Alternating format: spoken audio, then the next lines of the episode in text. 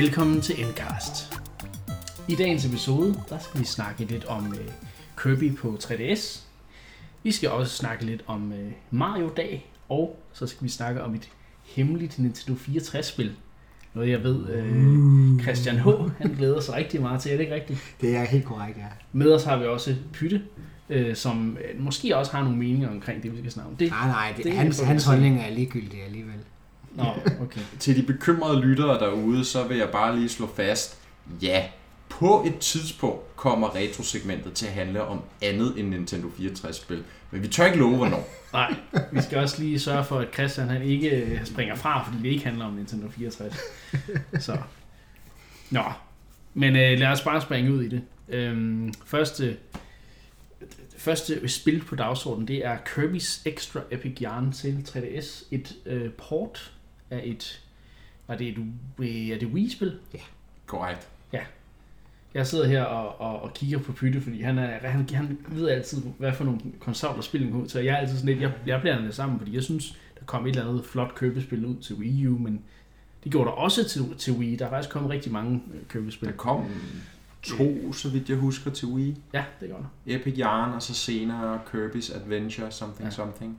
Epic Yarn er jo klart det, der står ud af de to, Ja. på grund af sin meget unikke grafiske stil, og også på grund af, Ja, at gameplayet det er ligesom, også... gameplayet er, Ja. er anderledes fra, hvad Kirby-spillene typisk ja, så meget anderledes er det jo ikke, men, men, men det er anderledes. Men, men jeg insisterede jo lidt på, at Epic Yarn skulle med, øh, ekstra Epic Yarn skulle Ja. med i denne her episode, dels fordi, at vi skal have nogle nye Nintendo-spil at snakke om, og Det der er det. ikke så mange af dem for det tiden. er.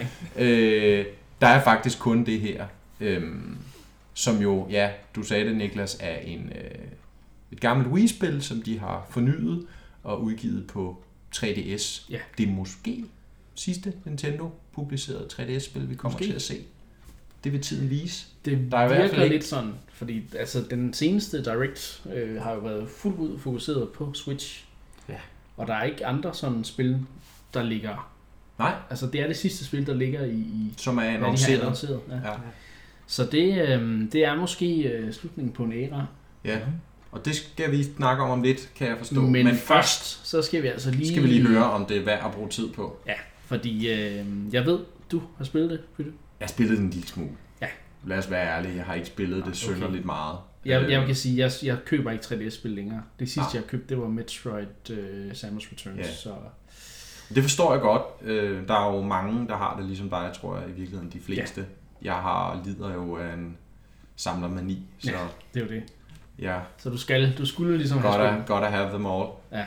Øh, I hvert fald Nintendo First Parties. Ja. Øhm, men så, så synes jeg også bare, at jeg har sådan lidt en sær fascination for de her sådan lidt besynderlige ports, hvor man tænker, hvorfor lige det? Ja. Hvorfor Epic Yarn på 3DS? Lidt ligesom sidste år, da vi så Luigi's Mansion Ja. på 3DS. Og der sad øh, vores gode ven Nemi fra, fra Indklub, han sad jo og, tror han skrev en artikel om det jo. Han skriver altid artikler jo, hvor han er lidt knotten på ting, Ja. men hvor blandt andet knotten over, hvorfor Luigi's Mansion dog kommer som en 3DS-port og ikke som en Switch-port. Ja. Men man skal huske på, at de her spil er jo formentlig blevet blåstemplet for måske allerede to-tre år siden. Ikke? Jo, jo, Øhm, det er jo det. det tager jo tid at lave, selvom det er port, så de skal passe ned i en pipeline og sådan noget. Ja, Øh, de præcis. kan også være blevet forsinket jo, så, så da den beslutning er taget, jamen der er jo stadig godt gang i 3DS'en og, og så videre og så videre. Netop. Øhm, så derfor, Men, men altså, Epic holder det på, på 3DS? Altså, spiller det lige så godt, kan man sige, som det gjorde på Wii? ja, og, ja det gør det faktisk. Fordi det er jo- Øh, det er jo, kan man sige, en- nemme svar. En motion control øh, styring, der er blevet overført til stylus, øh, vel? Ja, det er det. Og... Hmm, bum bum. Ja, altså øh, man savner det ikke ved at sige motion controlsene. Nej, okay. Fordi det er lige så nemt at bruge øh, touchpadden. Øh, røv, den kan du faktisk ikke engang bruge. Du Nå. skal ligesom bruge Kirby til at kaste. Han har det her garn, han Ja, kaster okay. ud som sådan et ræb eller en lasso. Og så har han, tager han fat i ting, som. Okay. han så ligesom trækker ud i banerne. Det er jo det, der er med hele det her koncept med Epic Yarn, at ligesom Det- hele verden er lavet af garn, ikke? Og, Ja. Og garn er jo sådan noget sjovt materiale, det er blødt, og det kan bøjes og så videre, så videre. Så banerne er jo Og ligesom meget op. levende. Travles op, lige præcis. Godt ord for det. Og banerne kan jo ligesom travles op, og det kan de i Epic Yarn. Og nu skal man altså gøre det ved at kaste den her garnlasso og få fat i dem. Og så, ja. Det kunne man også i Wii-originalen, men der kunne man så også ligesom pege på det med Wii-moden, og så ligesom trække, Ja, præcis. imens man styrede køber. Men det gør ikke den store Nej, forskel okay, gameplaymæssigt, vil jeg sige. Det er faktisk en rigtig kompetent port, udviklet af nogen, vi snakkede om i sidste episode, Good Feel, Ja. som jo er aktuel lige om lidt med et andet spil, øh, Woolly World. Nå ja. Ikke Woolly World, undskyld, Crafted World. Crafted World, Ja, det som det jo så hedder Ja. nu. Så det er lidt sjovt, at de har to spil i gang her på samme ja. tid. Men en kompetent port kører 60 fps, hvilket øh, jeg synes er ganske imponerende for Ja. en Wii til 3DS-konvertering. Super smooth controls, øh, ser godt ud. Øh, det er jo et spil, der meget øh, lever på grund af sin grafik. Det ser godt ud på 3DS, synes jeg. En stor skam er, at man ikke kan spille det i 3D.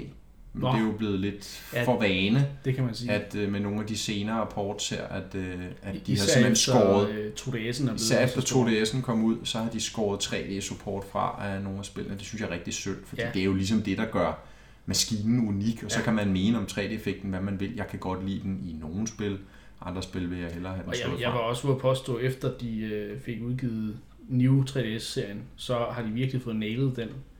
Øh, Ja, ja, hvis man har en new 3DS, ja, med den der stable Ja, 3D-teknologi. Der, der, der er det meget nemmere at få det til at fungere, ja. Ja. øh, end det var på den første model, som jeg havde i alt for lang tid. Og der synes jeg, det er en stor missed opportunity et eller andet sted, at et så flot spil som Epic Yarn, som netop har den her garnstruktur, og hele grafikken er Ja. bygget op omkring det, det kan travles op, som du siger, Niklas. Det kunne have set ret cool ud i 3D. Ja. Og der misser de lidt, øh, der rammer de lidt ved siden af ved ikke at have det med. Men ellers kan man sige, at det Epic Yarn, som vi husker det, super hyggeligt, oser af charme, Ja. rigtig godt med øh, til barnlige sjæle som mig, men jo genialt også, hvis man har børn og, og, og meget små, øh, forestiller jeg mig i hvert fald. Det vil jo være et Øh, øh, med, fint fordi- spil at købe til fordi nogen, du- også har en 2DS. Ja, ja, men, Altså. og du kan være med, øh, altså du, du, du skal nærmest bare kunne trykke til højre på direction-padden og hoppe på A-knappen, og så kan du komme igennem banerne. Ja. Det er ikke et særligt udfordrende spil, det handler om hyggen. Øhm, det skal så siges, at i Extra Epic Yarn har de en ny mode, en game mode med, Okay, øhm, der hedder Devilish Mode, Uff. så vidt jeg husker. det lyder hårdt. Øh, som er, at hver bane bliver sværere ved, at der kommer sådan en af de her øh, dæmoner, øh, som, som, som er i det her univers, og ligesom forfølger dig igennem hele banen. Okay. Okay. Så der er ikke sådan en anden form for tidsfrist. Ja, ikke rigtig tidsfrist, men sådan hele tiden sådan plageånd, der prøver, ja. ligesom hvis man... Øh, hvis, øh, hvis man taber Baby Mario i Yoshi's Island, og alle Kamexene, de kommer for at Ja. ja. samle ham op, når tiden løber ud. Ja, ja, Ja, okay. Sådan kommer der sådan en dæmon en gang imellem, og prøver ligesom at kaste ting efter dig, og, Ja, okay. og ramme dig, så du taber noget hjerne der i nogle stjerner. Men Det jo gør så det ikke spe-. Ja, det gør det ikke specielt meget sværere. Jeg ved heller ikke, om det retfærdigt gør, at man køber spillet øh, igen, bare for at spille den mode. Men, øhm, men ja, Hvis man altså, mangler et, et, øh, et kreativt og, og sødt øh, platformspil til 3DS, så er, ja, så er Kirby's det, så er det fantastisk. En, en no-brainer. Ja, Så øhm, Ja, den der Devilish Mode, er det det eneste sådan ekstra, der er i spillet? øh, jeg har ikke kigget fact sheet, så jeg har ikke sammenlignet som sådan ud, andet end ud fra, hvad jeg husker, men umiddelbart ja.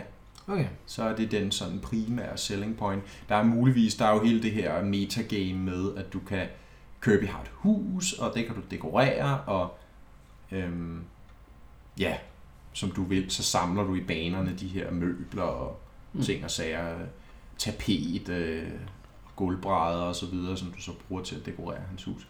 Og lur mig, om der ikke er nogle flere af, af, af, af de ting i, i spillet. Øh, Det, det er der, fordi hvis du klarer Devilish-banerne, så får du nogle flere ting. Så, men det er sådan lige det, øh, jeg Ja. har kunne øh, ud fra hukommelsen regne ud, der er Jamen, forskellen. så lad os fortsætte øh, diskussionen omkring, at det her jo nok er, hvad der tyder på at være det sidste Nintendo-udgivet 3DS-spil øhm, til 3DS, sjovt nok. Nå. øh, hvordan har vi det med det? Altså, øh, jeg har selv nogle meninger omkring det, men nu vil jeg lige lægge den op til, til jer. Ja. Men hvornår var det, øh, 3DS'en den udkom for første gang? 2011. Ja. 2011. Det- Okay, så det er små 8 år. Marts Ja. 2011.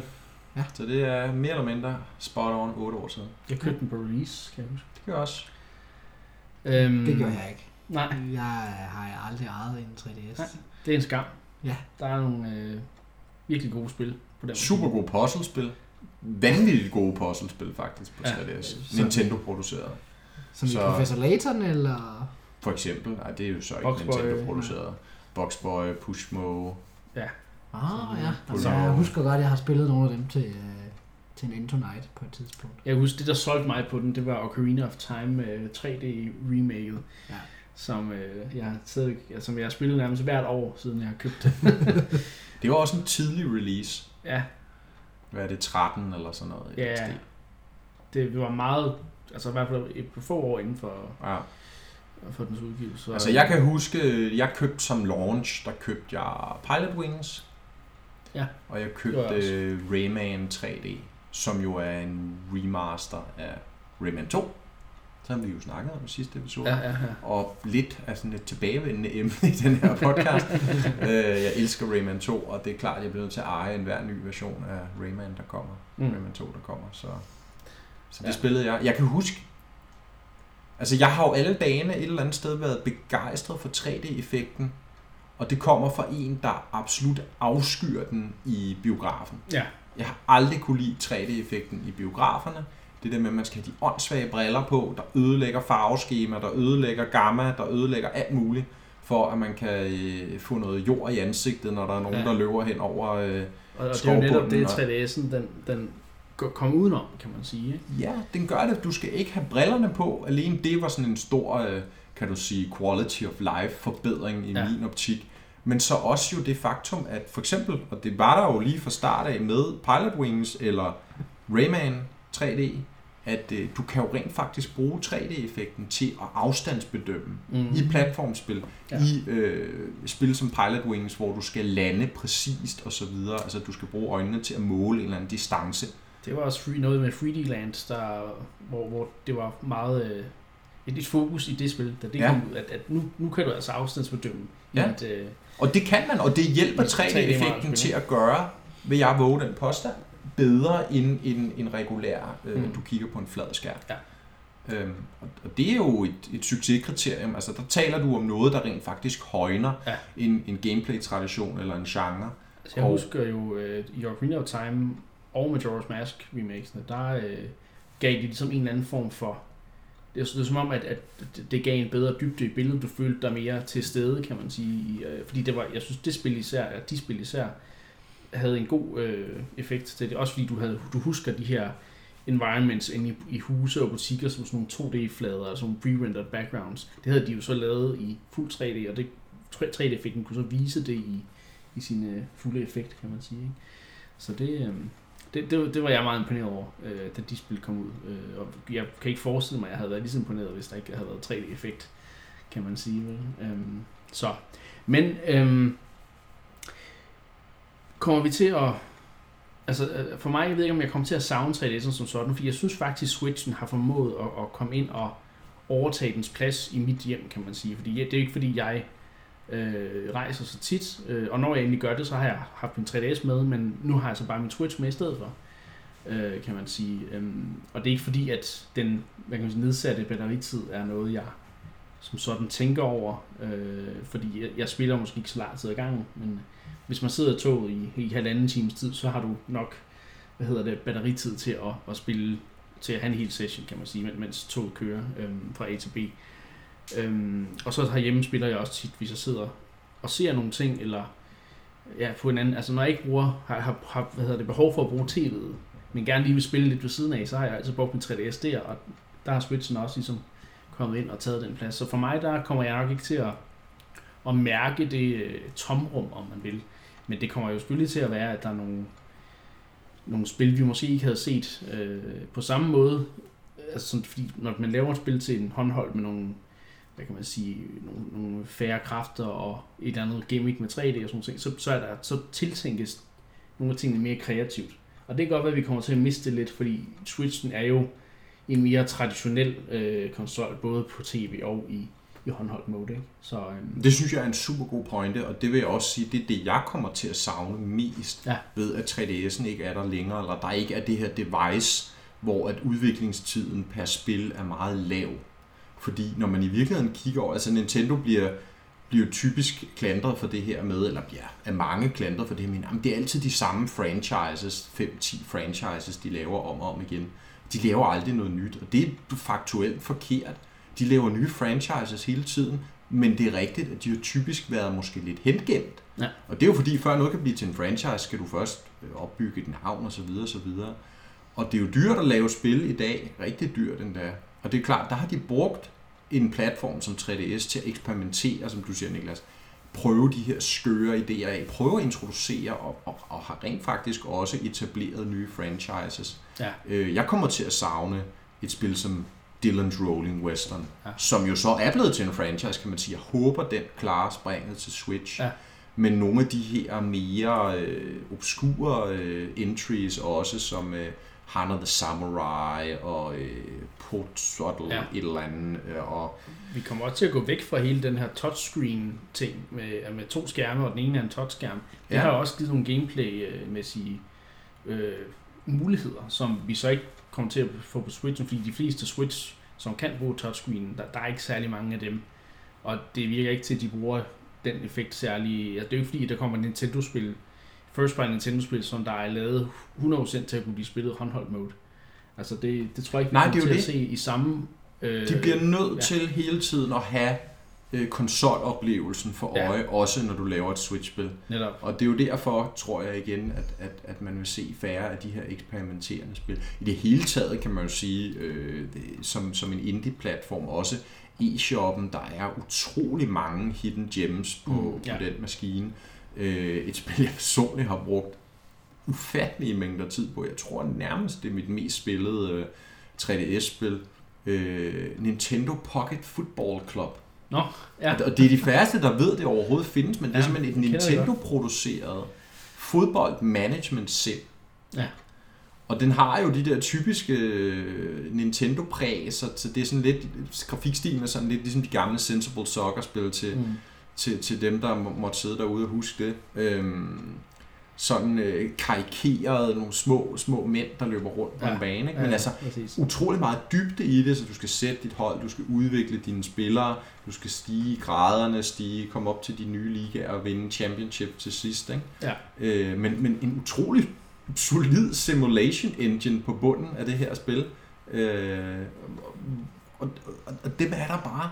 Altså, Mm. og der er også rigtig mange japanske spil. Der var jo de her, øh, nu, nu har jeg glemt, hvad det hedder, men der var jo simpelthen et program, sådan et udviklingsprogram, øh, i de tidlige år af, af 3DS'ens levetid, Mm. hvor Nintendo samarbejdede med især små japanske spilstudier om at lave de her eksperimenterende spil. Ja. Øh, så der var blandt andet sådan en walking sim på sådan en, øh, en rumstation, og der var sådan et spil, hvor at, øh, man var, der var nogle tanks, der skulle kæmpe mod nogle kæmpe insekter, og, Ja. og der var et rollespil, øh, sådan Dungeons and Dragons inspireret japansk rollespil. Øh, pokker er det, det hedder, det har jeg glemt. Mm. Crimson Shroud. Ja. Øhm, ja, altså, utrolig mange små hidden gems. Der var et spil, hvor du skulle management sim i en lufthavn. altså, sådan nogle ting i dag, hvor de dukker op på Steam, og så tilkender man det ikke rigtig nogen opmærksomhed. Men dengang på, på e-shoppen på 3DS, da der stadigvæk ikke kom så mange spil, altså, der gjorde de her ting så bemærket. Og det, altså, man kan sige, den tradition har de jo lidt fortsat med 3DS'en, kan man sige, hvor indie-spillene også har haft... Øh, du mener haft Switch? Switch, Ja. lige præcis. Det er, ja, Nintendo Switch, hvor, hvor øh, e-shoppen der også har, øh, hvad kan man sige, øh, gjort plads til de her indie-spil, de har simpelthen mm. øh, båret de, de stille perioder og så videre. Øhm, man kan sige, nu det er en meget, øh, det, det er en butik, der har rigtig mange spil efterhånden, og den er svær at finde rundt i, men det er sådan stadig samme princip, så man kan jo håbe, at, at der stadig er plads til de her eksperimenterende spil. Men så, så er udfordringen selvfølgelig bare, at der skal, de skal opdages, og de skal jo det. ligesom øh, understreges, at de spil er der også, kan man sige. Nå, men øh, jeg lukker diskussionen omkring 3DS her. Det kan være, vi kommer vender tilbage til den. Skal vi ikke have vores favoritspil? Til 3DS? Eller hvad? Nej. Jo, det kan vi godt. Eller Øh, highlights? Jeg har jo... Altså, jeg, jeg, jeg har jo det samme spil, der er jo mit favoritspil til Nintendo 64. Det er også mit favoritspil til 3DS, og det er altså uh, Ocarina of Time 3D. Øh, på trods af, at det egentlig bare er en konsoloplevelse på 3DS, men det, det kører altså bare fantastisk på den maskine, og det, øh, det er den bedste udgave af spillet, øh, ubestridt. Sorry, Christian. Nej, nu er det sagt. Men lad os så høre lidt mere spændende bud, tænker jeg. Pytte. Det ved jeg overhovedet ikke, om er spændende. og, og, og, og det lidt paradoxale er, at jeg tror faktisk ikke som sådan, jeg kan pege på et spil og sige, det her har defineret 3DS for mig. Nu sagde jeg som sagt før, at jeg tror, at det spil, jeg har spillet mest, er som sagt den her fodboldmanagement sim. Ikke? Jo, jo. Øh, men altså, der har været utrolig mange kvalificerede bud af årene. Øh, Link Between Worlds jo var Oh, jo en ja, return ja. to form på, på A Link to the Past. Ja, Øh, Kid, Kid Icarus Uprising er et fænomenalt spil fanget på en forfærdelig platform Ja. i det her tilfælde, fordi at du kan ikke spille det spil i mere end 10 minutter uden nærmest at føle, du har ledet gift i dine fingre, altså fordi er- der skal foregå så meget på, altså spillet udkom jo med en stand, du kunne sætte din Ja. konsol på, fordi de vidste godt, at hvis du skulle holde 3DS'en samtidig med, at du skulle styre det med touchpennen og knapperne, og jamen, det er helt af til. Men spillet er genialt, og Sakurai for fuld smadret, der bare laver vildt game design. Er det Øh, så det- dit yndlingsspil til 3DS? Nej, er der igen, mange, det, det det er det svært? ikke, men altså Metroid Samus Returns, øh, Zelda remakesene, øh, jamen der har været utrolig mange gode bud. Professor Layton-spillene har jo altid holdt af. Ja. Øh, utrolig mange gode Kirby-spil også Ja. på den maskine. Triple Deluxe er, Mm. er jeg meget... øh, Planet. Robobot, altså nogle af de aller, allerbedste Kirby-spil mm. er på 3DS. Fire Emblem får jo en total renaissance på grund af 3DS-spillene. Ja. Ja. Awakening starter jo det hele, ikke? Øhm, Fantastisk spil. Det, det, er så også, det var så også det, der var tæt på at være mit yndlingsspil til 3DS, men ja. Så kom nostalgien. Mario og Luigi-spillene kan du snart spille med remakesen af hele serien på 3DS. Ja, Ja. Og jeg kunne blive ved. Ja, altså, fantastisk bibliotek. JRPGs er der masser af. Ja. Ja. Etrian Odyssey. Der er et kæmpe bibliotek på den maskine, og lige nu må jeg stadig sige, at biblioteket er bedre, end det er på Switch. Mm. Øh, så ja, og som sagt, hele e-shoppen, alle de finurligheder, der er der, jeg kommer til at savne det enormt meget. Ja. Og jeg tror ikke, jeg kommer til at lægge min 3DS frem og sådan lige med det første. Nej, okay. Øh, sidder stadig og spiller andre ting end Epic Yarn, Ja, ekstra ja. Epic Yarn, øh, som jeg er bagud med. Ja, ja, okay. Altså dit fodboldhold. Mit fodboldhold er stadig ikke øh, World Champions i den bedste liga, så, så der kan lige ryge et par hundrede timer mere med det. Så, Ja, jamen det... Øh, altså, så beklager, jeg ikke kan nævne ét spil, Nej. men nu nævnte jeg så en, en, en perlerække af dem, der en står... Øh, Det- Der er så mange gode spil på den maskine, og det er, jeg tror, at selvom jeg ikke som sådan lige nu kommer til at savne, øh, altså der, det der skift fra 3DS til Switch, det har egentlig været øh, ret øh, smertefrit, så tror jeg, at om nogle år kommer jeg til at, at kigge tilbage på 3DS og tænke, der er nogle ting, jeg savner, som var gældende der, som vi ikke har længere. Nå, men nu lukker jeg altså diskussionen, fordi vi skal også nå at snakke om nogle andre ting i øh, den her episode. Og det første, vi skal snakke om, det er Mario Day. Det er øh, åbenbart sådan, at øh, den 10. marts øh, hvert år i en årrække, der er der nogen, der har fejret Mario Day. Og grunden til, at det hedder Mario Day, er fordi, at forkortelsen er, altså for marts, det er march, det er MAR, M-A-R, og så er det så den 10. og så det er 1-0, og så, så, så, så skriver det så Mario, når man bare sådan Øh, ser ja, det ligner, der, der står Mario. Ja. Ja. Så, så det er derfor, der, at det er Mario Dag. Ja. Ja. Det er lidt som den der uh, May the 4th. Det er, det er sådan Star Wars Day, May the 4th be with you. Ikke? Altså, Ja, så den 4. maj. Var ikke det, jeg sagde? Ja, ja, ja, Ja. men Jo, ja. May the 4th. Ja, Ja, the 4th of for- May. for at Den få 4. dansk maj. det. Ja, undskyld. Ja. Ja, ja, det er fordi, jeg, jeg tænker jo engelsk. Jeg tænker, der, det, er et- men tak for den. Den var god. Det øh, det der er dansk podcast, Ja, hvor vi snakker øh, ægte rigsdansk. Husk det, Niklas. Vi burde lave en episode kun i rigsdansk. Det, det synes jeg, vi skulle på et tidspunkt. Nå, nok uh, distractions. Åh, oh, oh, der er de en, uh, en, en uh, blunder der. Igen. yes, vi fortsætter. Mario Day. Og øh, Nintendo har faktisk for først, jeg tror det er for første gang, de sådan officielt har fejret det, det er ved, at de har lavet et lille salg på øh, e-shoppen. Ja. Øh, for især Mario-spil, der har været sat ned i pris. Og det er jo øh, ikke så tit, det sker. Nej. Så det er jo, det er jo meget, meget fedt. Øh, men jeg synes, i det her øh, Jencast, der skal vi øh, fejre det ved at snakke om vores yndlings øh, Mario-spil. Og altså, øh, det er ikke kun øh, 3D Mario-spil eller 2D Mario-spil. Det er ikke, det er ikke platformspil kun. Det er også Mario Golf, øh, Mario Party og så videre. Det er, det er alle spil. Må jeg godt nævne Mario's Missing også? Og Mario øh, and Sonic Bare roligt, jeg gør det ikke. Men... en øh, af The Olympics. Var det et og- gammelt øh, spil, der udkom, eller, som Philips var med til at udvikle, eller hvordan var det? Nej, det var et edutainment-spil, som Ja. ja. så vidt jeg husker, Ah. IBM var med til at lave, så det er til PC. Ja, det er rigtigt. Åh, oh. Man må også gerne nævne Mario Paint, hvis det er det. Det er jo fremragende i øvrigt. ja. Ja. Og de er jo stadig brugt til at lave øh, covers nu om Mm. dagen. Hvad man ikke kan. Så, øh, men øhm, ja. hvor skal vi starte? Hvor skal vi starte? Altså, jeg Der sidder er og kigger lidt over på Christian. Ja, jeg sagde, Fordi ikke, at, øh, jeg sagde ikke så meget i forrige indlæg. Så. Dit, dit yndlings Mario-spil er selvfølgelig på 3DS. Nå, nej. Nå, nej, nej, okay. Sorry. Øh, jamen, jeg, sad, så, jeg, sad, jeg sad sådan lidt og tænkte, øh, jeg kunne jo tage, tage alle de op, oplagte valg og tage et eller andet på Nintendo 64, men jeg tror, jeg vil snyde jer lidt, og så rent faktisk nævne et Gamecube-spil, og nævne et øh, sportsspil. Og øh, What? det er nemlig øh, Mario Power Tennis.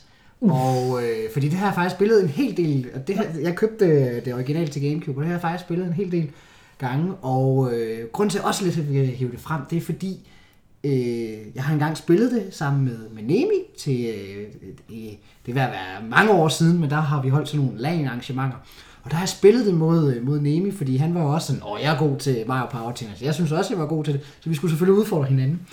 Og øh, Selvfølgelig skulle I det. der lærte jeg, hvor en kæmpe snydebuks Nemi han er, når det går galt. Åh, åh, åh, åh, han kan jo ikke forsvare sig i det her podcast. Hvad er det for en journalistik, du driver her? Jeg, vil- jeg, vil, Ej, gerne, okay, det- øh, jeg vil det- gerne høre argumentet for, Ja, hvorfor- det, okay. det, han, det os få en handler lille, lille smule mudderkast så. Ja, det handlede om, at, øh, at vi, spiller, øh, vi spiller spillet, og jeg, jeg kommer i front, jeg kommer et par, ja det hedder vel, det hedder, jeg kommer et par points i front i det, i det første sæt, og øh, så Partier. partier. hedder det partier på dansk? Ja. Okay.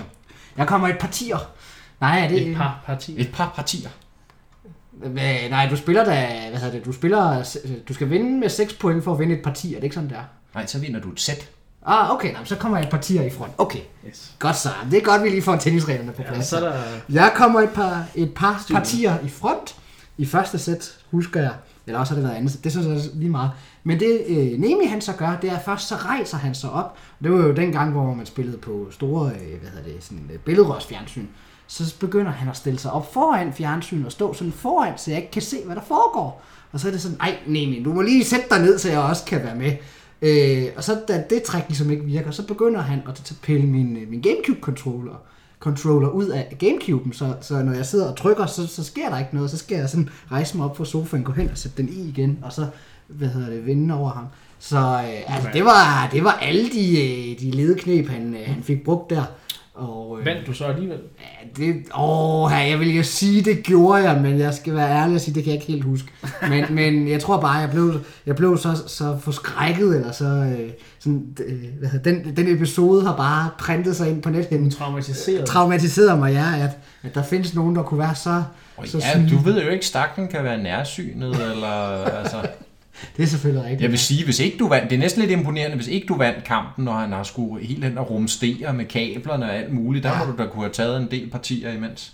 ja, det var Man kan sige, der er jo heller ikke noget, der har forhindret dig i at sådan, altså, stop ham i at hive dit joystick ud, eller hvad? Eller har du været fuldstændig paralyseret til det punkt, hvor at... øh, Nej, det var jo fordi, at, jeg, at, hvordan jeg, kan man tillade sig at gøre sådan noget? Ja, præcis. Jeg er jo sådan, ja, altså, det sådan nogle spil, der handler det jo rent om skill, og når du så begynder at, at gøre sådan nogle ting der, så, øh, så understreger det, og så har du ikke helt de skills, der skal til, og så må du ty til, til fejeknep for Det at lyder kunne- som om, du bare har spillet mod computeren indtil du øh, Nej. kom til det her LAN-event. Og så er Nemi, han har været vant til at spille mod andre. Han ved, der skal altså også fysiske knep til. Altså, det er jo ligesom det her med, at det er okay at kigge på dens andens Ja, ja. hjørne, øh, når du spiller split screen i Ja, ja, men der begynder du ikke at, at, at, at, at ødelægge det for modstanderen. Ej, men du ved, hvor modstanderen er. Ja, det ved, er, det, er en fælles, det, er, det, er, det er en fælles information, fordi modstanderen ved også, hvor du er. Øh, Nå. men, men, men det, hvis nu øh, Nemi han også Men- begynder at pille det, det, hvad hedder det, joysticket til sig selv ud, så, så var det jo det samme. Men det var fordi, han, han, han gør det, noget fysisk. Ikke, det vil jeg ikke få noget ud af. Men Nej. jeg er, jo, jeg er jo lidt, jeg er jo lidt fascineret her, fordi at, øhm, det er jo simpelthen den episode, som, som lidt lader til at være sådan en semi-traumatiserende episode for dig, og alligevel fremhæver du den som værende dit, Jeg ved i ikke, om, det, forbindelse med dit yndlings Mario-spil. Ja, jeg ved ikke, om det er... interessant. Ja, altså alternativt, så skal det jo være øh, nogle af alle de mange øh, gange, jeg har spillet Mario Party med forskellige folk. Der er også en øh, traumatiserende episode. Ja, men Hvor- der er, der er noget, nu du siger det, der er noget masochistisk over dig, kan jeg godt se. Der er et mønster, der tegner sig. Du kan godt Han, lide at tabe. husker, Ja. han husker godt det- de der episoder på en Ja. eller anden positiv måde. Det, Ja. altså, jeg husker det her spil positivt, fordi at jeg havde en traumatiserende oplevelse mod en enig. Ja, det, Ja. ja. Jeg, jeg synes power tennis... Øh, Ja. Altså, det er et stærkt bud. Det er et stærkt bud, Ja. det må jeg sige. Altså, jeg kan Er også... det, er det generelt gældende for Mario sportsspillene, at du... Øh... Åh, oh, nej, jeg tror er faktisk kun, det, det har kun været Mario Power Tennis, og faktisk kun lige den, fordi, øh, hvad hedder det, Ace, øh, der kom til Switch, fornemmede jeg var ikke super interessant. Der var singleplayer-delen, den virkede lidt tam i det, og øh, jeg husker, jeg kan ikke huske om... Altså, mechanics-wise er det det bedste Mario tennisspil, der er Ja. dato. Der. Det ved jeg Ja, ikke. det Det skulle være, at du skulle tjekke det ud, ja, hvis du Det var kunne glad for være. Power tennis. Jeg, øhm, Og i øvrigt, det er lidt sjovere til det, er 64-versionen bedre end Gamecube-versionen. Hvilket jo er lidt sjovt, fordi du normalt spiller 64 spil. Nå ja, du, du var ikke så glad for de der power moves, Nej, nej. ja, hvor at, øh, det, interessant. var der ikke i 64. 64-versionen er ren skill. Okay. Ikke at det behøver at være det, det er jo et Mario-spil, men nu du sidder og snakker om skill, så vil jeg sige, 64. der rent faktisk findes et bedre Mario Tennis-spil på en konsol, som du holder meget af. jeg, jeg kan så sige, at jeg, mit yndlingsmario-spil, det er ikke et af sportsspillene. Ja. Det er et mere traditionelt valg, om man vil. Men, og så er Står lige, der 64 måske alligevel- bagefter? Det gør der ikke. Står der Sunshine? Det hedder Super Mario Galaxy, Ah, så er det Galaxy. øh, som har noget, af- nogle af de sjoveste baner, øh, som hele serien har at byde på. Og, og altså, jeg synes faktisk, at øh, selv, hele, hele strukturen omkring spillet er fed, og hele main gimmicken, det her med, med, øh, med tyngdekraften, og at du kan rende rundt på de her små planeter og tænke, altså, det er, det er så charmerende, og det er så øh, kreativt fundet på. Øhm, det tog mig noget tid, altså jeg var faktisk en smule skuffet første gang jeg spillede, og tænkte, ah, det her det er jo ikke ligesom Sunshine eller 64. Men så øh, gik det nogle år, og så spillede jeg det igen, og så var det bare vokset øh, op til at være et spil, som... Også fordi jeg på det tidspunkt måske satte lidt mere pris på, på, på hvad kan man sige, øh, velpoleret øh, spildesign og så videre. At det, det havde også måske også lidt med, med, med til at påvirke min beslutning om, at Super Mario Galaxy 1, vel og mærket, var øh, mit øh, Det er sjovt, fordi mange, når man snakker om Galaxy-spillene, så synes jeg ofte, at jeg hører folk sige, at Galaxy 2 er bedre end Galaxy 1. Men jeg har det på samme måde, fornemmer jeg som dig, Niklas. Ja. Jeg kan bedre lide Galaxy det første, og det er fordi Galaxy 2 bliver for mig på en eller anden måde for mekanisk. Ja. Mm. Altså det, det, de barberer alt ned til, at her har du otte worlds med, ja, indrømmet, de mest kreative, fantastiske mm-hmm. baner i den her gravity mechanic, men alt andet er bare strippet fra. Altså, der Ja. er ingen story, der er ingen, altså, der er, ingen, der er ikke noget world map, det er bare, du ved, en liste af baner, go play. Det bliver også meget øh, komplek, mere komplekst, synes jeg, i toren. Altså, der er mange flere mechanics på, på spil i forskellige baner og så videre. Jeg kan egentlig bedre lide simpliciteten i, i Galaxy 1, Ja. øhm, føler jeg. Øhm, så, så det er som om, at altså, det, det, de, de gange, jeg, jeg faktisk tror faktisk aldrig, jeg har gennemført Galaxy 2, fordi jeg går død i det sådan mm. et par verdener eller tre inden. Øh, og så, ja, men hver gang jeg har spillet etteren igennem, så er jeg altså gået fra, fra 0 til 100 øh, hver gang. Og det er sjovt, fordi at når jeg tænker Mario, øh, og det jeg kan faktisk nu, hvad, hvad kan man sige, det er sådan en gennemgående ting for mig, at de Mario-spil, jeg har været mest glad for, det er faktisk nogle af dem, hvor de kommer mest omkring, Ja. hvis det giver mening. Så ikke de der sådan rene mekaniske Mario-spil, altså du kan sige det allerførste øh, Super Mario Brothers, ikke? Øh, du kan nævne øh, Galaxy 2, øh, 3D World, altså ellers nogle af dem, som mekanisk bliver hyldet som de allerbedste Mario-spil. Der må gerne komme lidt mere på. Jeg kan godt lide fortællingen om Rosalina og hendes øh, Star Babies, Ja. der rejser rundt i universet. Jeg kan godt lide øh, at hvad hedder det, gå på udforskning i øh, Super Mario World øh, mappet, at finde alle de små hemmelige baner og se, hvordan tingene øh, kobler sammen, og man kan skyde genveje fra den ene side af mappet over gennem skoven. Og- Altså alle de her små ting, som er med til at lave noget worldbuilding og, øh, og, og, og give noget kontekst til, hvad Mario ellers handler om. Ja. Øh, og, og det kommer jo egentlig også fra en, som ellers alle dage sætter game design og mekanik over alt andet. Mm. Der vil jeg bare sige, at det klæder Mario, synes jeg, Ja. når der kommer den her indpakning Ja. på, som er lækker. Det synes jeg er en, øh, en fin pointe. Øhm, så, men jeg har ikke igen så meget øh, måske at sige om gas. Jeg, jeg vil så sige, altså Odyssey, da det kom, havde...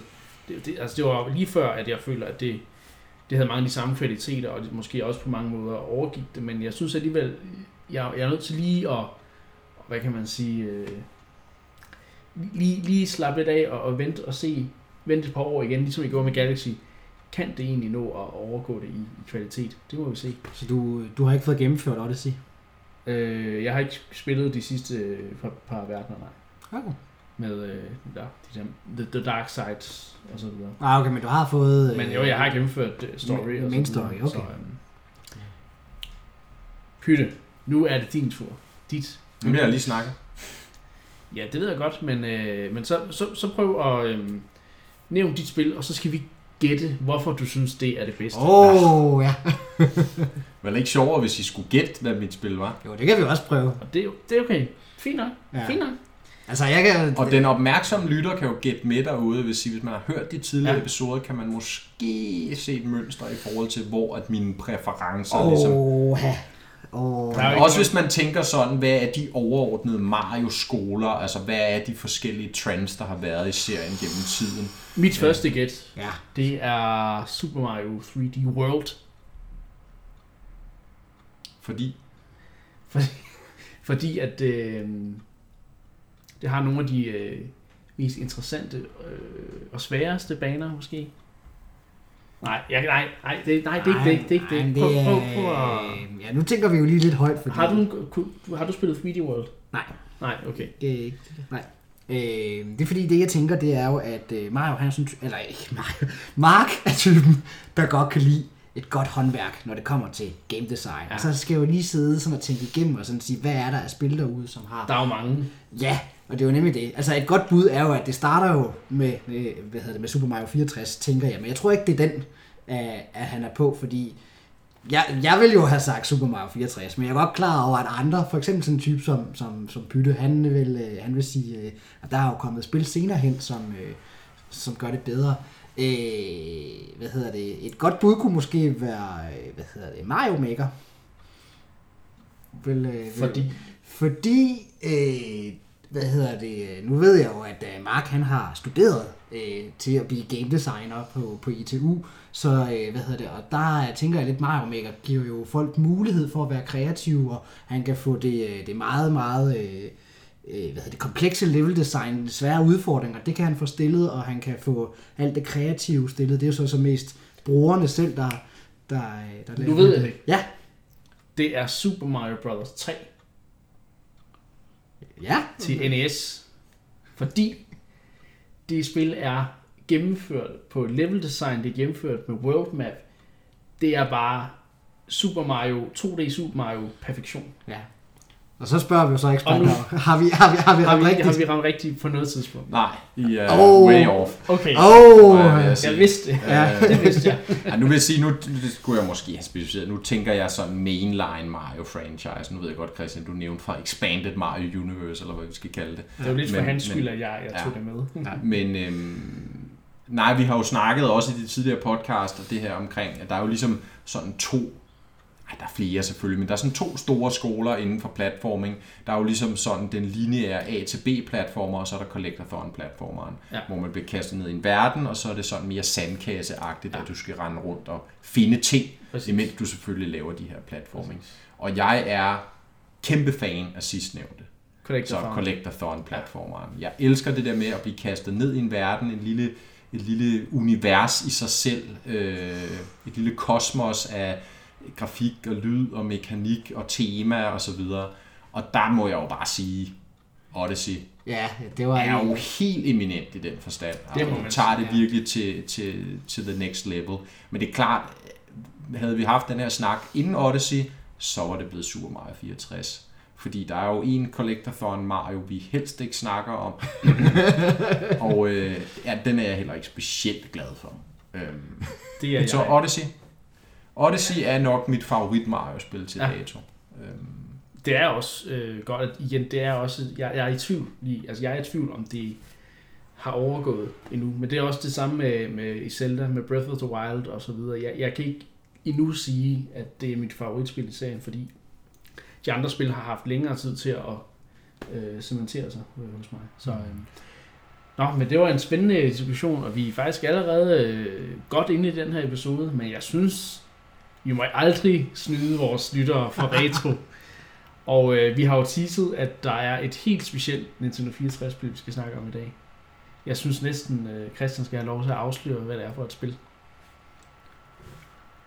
Det er, det er, det er Star Wars episode 1 Racers. Ja, lige præcis. jeg, jeg, jeg sad lige, rundt til at sige ja, det er fordi, du er i tvivl om titlen. Nej, nej, nej. Okay. Det var fordi, jeg overvejede, om jeg skulle lave sådan en trummevivl og så videre. Og så tænkte jeg, ej, det er lige, lige meget. Fordi jeg altid... og alligevel sagde du det ikke helt korrekt, hvis jeg skal flueknippe den. Ah, Star Wars episode 1 Racers, var det ikke rigtigt? Racer. Racer. Nå, så, nå, okay, det hørte jeg så ikke. Jeg hørte Der er ikke det er Racers. Nej, det er Racer. Racer. Ja. Nå, ja, ja. Jeg, jeg tror, jeg kalder det altid for Star Wars Pod Racing, og det har jeg jo så Ja. fundet ud af, det, det, det, det hedder det ikke. Nej, Og det hed det. hvorfor er det, at Det, det, hed det nemlig oprindeligt, øh, Ja. ja. dengang at Lucas Arts øh, lavede det, men de fandt ud af, at der var et tysk firma, tror jeg det var, øh, som, som ejede øh, hvad hedder, rettighederne til ordet pot, og så tænkte de, nu øh, så dropper vi bare Ja, i spilsammenhæng. Og det er fordi, der er et spil, der hedder Pod. Okay. Nå, men, øh, men ja, så må man jo lade være med at kalde sit spil. Det var jo lidt det samme, vi så med, med Lighted Wars i sin tid også, med at øh, der var et tysk firma, der, der, Der var det et tysk firma i hvert fald. ja, der, øh, der ikke engang havde... Hvad med de tyskere? De, havde, de havde ikke rettighederne til Star Fox, eller noget med, med Star, men de havde et firmanavn, der lød næsten som Star Fox på tysk, og så blev Nintendo tænkt, de, vi, vi tager bare den sikre vej, og så kalder det Lighted Wars i stedet for. Øhm, nå, men, Nå, men hvad er det? Jeg, jeg, har, jeg har aldrig helt forstået det, fordi jeg har aldrig ejet spillet. Jeg tror faktisk, jo, jeg har måske spillet det en enkelt gang. ja, Men jeg har, også- jeg har også en, en fordom omkring podracing generelt, fordi jeg er... Jeg, jeg kan ikke lide Star Wars episode 1. Jeg kan heller ikke lide podracing segmentet. Jeg synes, det hele er lidt tumpet. Du kan og, ikke lide pod racing segmentet. Nej, det Fordi jeg skulle ellers til at sige, at det er jo i, min, i mine øjne en, der heller ikke er overhovedet er fan af, af, den, af, af, af, af episode 1-3, ja, nej. må jeg bare sige, pod racing segmentet er genialt. Jeg, jeg er ikke fan af det. er, Og, og af samme grund er jeg ikke, har jeg ikke øh, opsøgt det her spil. Jeg har ikke spurgt, åh, kan jeg ikke låne øh, det der, der ja, whatever. Øh, så hvad er det, der gør, at Star Wars Episode 1 Racer er så fantastisk? og du, du kigger over på mig, det kan I så ikke høre, men du kigger over Det er mig. fordi, jeg, jeg ved, at behind the scenes, sidst vi snakkede kort om øh, det her spil, Det er rigtigt, ja. der, der blev jeg havlet ned bagefter og fik skæld ud for, at jeg havde, eller Christian havde ikke fået lov til at snakke nok om Star Wars Det- øh, Det Episode er 1 korrekt. Racer. Det Ja. er korrekt. Så lyttere, gå ud og hent en kop kaffe. Forbered jer. Den her podcast er kun måske 20% færdig. Nu skal Christian snakke episode 1 Racer. Sæt i gang. Det er rigtig godt. Men nu overhypede du det, så nu er jeg nødt til at gøre det kort. Men det er fint, du lægger en pause, så folk kan nå ud og hente kaffen, men nu Det- skal du så snakke de sidste 80% af podcaster. Øh, Star Wars episode 1, Racer. Race, race, Racer. Racer, ja. Det er titlen, det er korrekt. er super godt, fordi det er et, øh, det er et futuristisk øh, hvad hedder det, racerspil, øh, hvad hedder det, ligesom Viper og F-Zero, men hvad hedder det, jeg husker, at den fartfornemmelse, du ligesom oplever, når du sidder og, og spiller det her spil, er helt fantastisk. Øh, jeg kan huske i, øh, det var det gamle Klub Nintendo magasin, der havde de lavet en anmeldelse af det, hvor, øh, hvor de også fortalte, at øh, hvad hedder det, i spillet, der kører man med miles, og der kan du komme op og køre omkring 700 miles, og det svarer til, at du kører med en hastighed på over 1000 km. Og der kan jeg huske, da jeg læste det, der var jeg sådan helt, wow, jeg kører jo øh, med 1000 km i timen igennem øh, hvad hedder det, intergalaktiske i racerløb og så videre. Øh, jeg synes, det var, det var helt fantastisk. Så, så, øh, så det var sådan en følelsen af sidde i et futuristisk fartøj og bare blæse dig ud af med alt for mange kilometer i timen. Der er også øh, nogle baner, hvor, øh, hvad hedder det, hvor tyngdekraften bliver ophævet, hvor du sådan kører igennem og svæver og skulle holde styr på, hvor du var henne. Øh, for mit vedkommende, når man starter ud med at spille det, så, så går man i stykker rigtig mange gange. Sådan, hvis du kører galt og kører ind i ting og så videre, så går du i stykker. Så bliver du så genskabt igen og kan så køre videre. Øh, men det, der nemlig også var det fantastiske, det var, at når du så blev lidt bedre, så lærte du at styre udenom. Mm. Men øh, alle podracer stort set er jo så bygget op ved, at du har ligesom to motorer, en højre og en venstre, og så et cockpit. Øh, hvis du ikke passede på, så kunne du støde ind i sider, og så kunne din motor blive beskadiget. Og så skulle du så reparere dine maskiner. Øh, hvilket Nå, også så det er jo ligesom, ligesom i, i uh, Formel 1-løb og så videre. Ja, lige præcis. Ja, så, øh, så det var sådan noget med, og, og det var nemlig så, så detaljeret som i, at hvis du sådan blev ved med at køre ind i, i venstre side, så ville din venstre motor gå i stykker, og så var du så var det, hvad hedder det, sværere Ja, så at begyndte den at drifte. Ja, så begyndte at til- drifte, ja, så var det sværere at styre og så videre. Og, øh, og det var nemlig sådan, øh, det var nemlig det der kapløb med, at man skulle holde styr på, okay, nu, øh, hvad hedder det, nu er, er, er min venstre motor blevet beskadiget, så skal jeg reparere den, men der kommer et hårdt sving lige om lidt. Jeg tager lige svinget først, men hov, ham jeg skal vinde over øh, på den her bane, han kommer lige bag ved mig, så jeg skal lige time det rigtigt. Og så, ah, hvis jeg lige bremser på det her tidspunkt, så kan jeg nå at tage svinget rigtigt. Åh oh, ja, nu kan jeg... Du tog Rolig. Christian, rolig Christian, rolig. Det var præcis den følelse, jeg havde. Hans, hans hjerte banker Ja. fuldstændig. Han, han, det er ligesom, at han Ja. sidder i den der racer-maskine lige nu.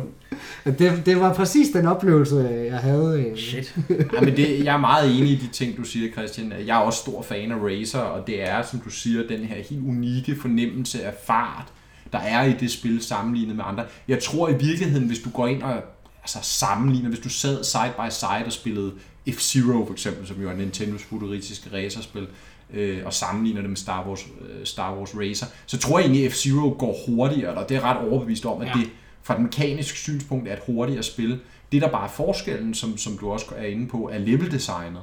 Ja. Hvor at i, i Star Wars Episode 1 Racer, der har du de her mere, kan du sige, realistiske baner, altså som man forestiller sig, at man et eller andet sted ude i galaksen vil køre racerløb på gennem naturligt terræn, og det kræver Jedi reflexes at, at flyve ind gennem den her grotte, den her snævre grotte, og komme helskindet ud på den anden side. I, i det tempo der, det kræver simpelthen en overmenneskelig øh, kraft eller reaktionstid, ikke? hvor at i F-Zero, jamen der er det jo sådan, også kan man sige, hvad, hvad man måske vil forestille sig en eller anden gang ude i fremtiden, at Formel 1 vil være sådan, øh, men på nogle store baner med meget store åbne veje, ja. øh, hvor at du har tid til at reagere også som et menneske og, og følge det rundt, ikke? men hvor det ligesom bare er den ekstreme hastighed på en eller anden måde, der, der gør sig gældende. Ikke? Så der synes jeg, at Star Wars Racer kan noget helt unikt, og, og, og, og, og den dag i dag ikke rigtig er blevet overgået på det parameter.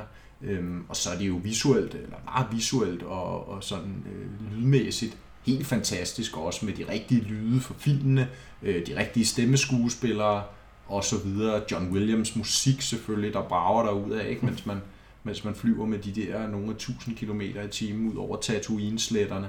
Øh, det er en helt fantastisk følelse. Øhm, så, så det, det er jeg meget enig i. Jamen, øh, Noget andet, jeg også kan nævne, som jeg synes, der var meget interessant også, det var, øh, hvad hedder det, som du var inde på før med level design, der var faktisk rigtig mange af banerne, som var meget sådan åbne, så der var meget øh, naturlandskab, man kom til at se på, når, øh, når man kørte. Og, Ja, og forskellige veje, du kunne tage jo så også. Ikke? Ja, altså, det var for der eksempel også, ja. Tatooine-banen er der mange Ja. forskellige, i hvert fald i de senere Og versioner. øh, jeg husker faktisk, at det de havde gjort, som faktisk var lidt, lidt interessant, det var, at der var, jeg tror der var 7-8 planeter, som løbende ligesom foregik på. Øh, men så havde de så forskellige veje lukket til og fra, så at du kunne komme kørende på en af de lidt nemmere baner, så kunne du se, at der var ligesom noget, der var blokeret. Og så kom du tilbage til den bane, så var det den vej, du så tidligere havde kørt, den var nu blokeret, og så skulle du så den anden vej, som så ledte ned ad nogle mere snævre passager osv. Mm. Så altså, der var kun, som jeg sagde før, de der 7-8 settings, men de fik så alligevel varieret så meget i, i level-designet.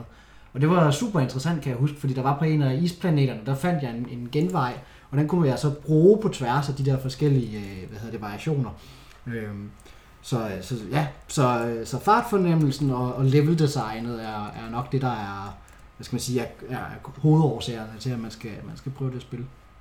Og så er det jo, øh, læste jeg, det bedst sælgende futuristiske ja. racerspil nogensinde. Ja. Bedre end vores kære ven F-Zero. Med 3,14 3,14 millioner. millioner solgte kopier. Ja. Man kan Det- sige, Star Wars-navnet, franchisen, bærer jo meget af det, må Ja. man antage. Og Men- så alligevel ikke, fordi at det... Men var det ikke kun PC-versionen? Nej, det tror jeg, det tror jeg, jeg er overbevist om, det er total sales. Okay. Men ja, det er rigtigt, der er en PC-version, og så er der den her Nintendo 64 Pro, som er ret kompetent, men det er klart, den, den er ikke helt lige så raffineret som, som PC-versionen. Den Ja. har lidt flottere teksturer. Den har også øh, nogle sådan introfilm til hver planet, når man skal køre på dem, som de desværre måtte cut for 64-versionen, fordi at øh, der er ikke så meget plads på sådan et Nintendo 64 cartridge Nej, sammenholdt med en, øh, Lidt med en, øh, med en CD-ROM. Så det var jo, ja, det var en udfordring i den sammenhæng. Så der røg nogle filmsekvenser. Det er jeg ret sikker på. Øh, Men den brugte expansion packen, og jeg vil Ja. stadig sige, at Nintendo 64-spil er, den, er, det, er det ret flot. Man kan spille det split screen, hvilket Ja. ja. er unikt for den version. Det Ja. ja. kan du ikke på PC-versionen. Der skulle du så over modem eller seriel eller Ja. ja. et eller andet. Ikke? Men, det er rigtigt. ja. men ja, et af mine absolut yndlings racerspil den dag i dag, og det kan jeg stadig finde på at hive frem og spille igennem. Eller i hvert fald lige tage en enkelt bane ud af Tatooine, og så Og bare høre ham glemme sige, øh, tid og sted. Og... A new, a new la- Nej, jeg kan ikke engang sige det. Det er nemlig rigtigt. Det er den, jeg hører altid af New Lab Record. Ikke? Ja, vi har hørt den også ret ofte. Det var det, jeg synes, der var Ja, interessant. mens at øh, den der med It's burning, it's burning. Men så har jeg It's working! nørdet, It's working! nørdet Star Wars spørgsmål. Ja. Har I så klaret nogle af banerne på 12 parsecs? Hvad? Til den, Nej, der ikke, til der fordi ikke ved at, det. øh, jeg antager stadigvæk, at øh, 1000 års falken, den er Ja. hurtigere end øh, Anakins øh, Ja, det er den nok. Den hjemmebryggede øh, podracer. Det går jo, hvis du sammenligner den med Sebulbas måske. Det, Ja, der måske. kunne være Måske. konkurrence der. I øvrigt en sjov lille reference, at nu nævnte vi jo i en af de foregående episoder Shadows of the Empire, en Ja. anden stor Ja. Star Wars titel til Nintendo Det 64. har jeg spillet. Ja, som vi måske skal gemme til en anden god gang. Men Ja. ja. det var jo faktisk øh, project leadsene på det spil, Ja. der kom over og øh, var bagmændene på øh, Star Wars Episode 1 Racer.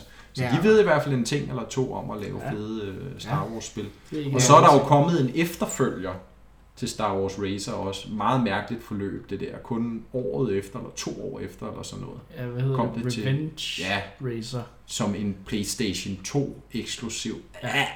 Og det er også skød. Altså, Nå. det er virkelig dårligt. Det er, det er ikke lavet af LucasArts in-house. Nå. Og man kan virkelig, øh, man kan virkelig, når man spiller det, det har, jeg har ikke spillet det særlig meget, men det der umiddelbart slog mig, var hvor, øh, hvor dårlig den her fornemmelse af fart, vi snakker om, den var. Det var som om, at de havde, altså, de, de har haft en helt forkert øh, tanke omkring, hvad, hvad der gjorde det første Star Wars Racer unikt. Netop det her med, at vi snakker om, at, at man føler sig som en Jedi, når man spiller, fordi man kan nå at reagere, mens man farer igennem de her snævre passager. Hvor de Revenge, Det er der, jo sjovt, fordi det er de færreste, der er Jedi's i podracing. Ja. Undskyld. ja, det, jamen, og det er jo fordi, at hvad rumvæsenerne har hurtigere reaktionstid Ja. end, øh, end menneskene, I guess. Men i hvert fald Revenge er meget langsomt, går utrolig langsomt, og altså, det føles nærmest som at Interessant. altså, øh, sidde i en speedbåd eller et eller andet sted for øh, en så det har ikke en på ingen måde samme charme som Nej, overhovedet ikke. One Vi, og bliver også en kæmpe fiasko sammenholdt med originalen, og deraf er jo nok, at vi ikke har fået flere. Ja, øhm. Og måske også fordi prequel-filmene ikke har samme øh, popularitet mere, som de har haft. Ja, det kan man sige, ikke? men altså 3 millioner, 3,14 millioner solgte kopier, det er jo selv i dag ikke ja. at kæmpe sig af. Og man kan så sige, at der er nogen, der lige har lavet det oprindelige spil i, i en Unreal øh, 4-udgave. Ja, så der er, stadigvæk, det, ja. der er stadig kærlighed. Øh, der, der er en demo, der ligger et eller andet sted. Ja. Øh, Men altså, jeg vil sige, I med 64 cartridge Ja. ja. eller PC-versionen, de holder stadig. Ja, men øh, det var en, en, en meget, meget passioneret retro-segment. Det var godt at høre. Øh, vi når ikke mere i dag. Så tak fordi I lyttede med derude, og vi ses i næste episode.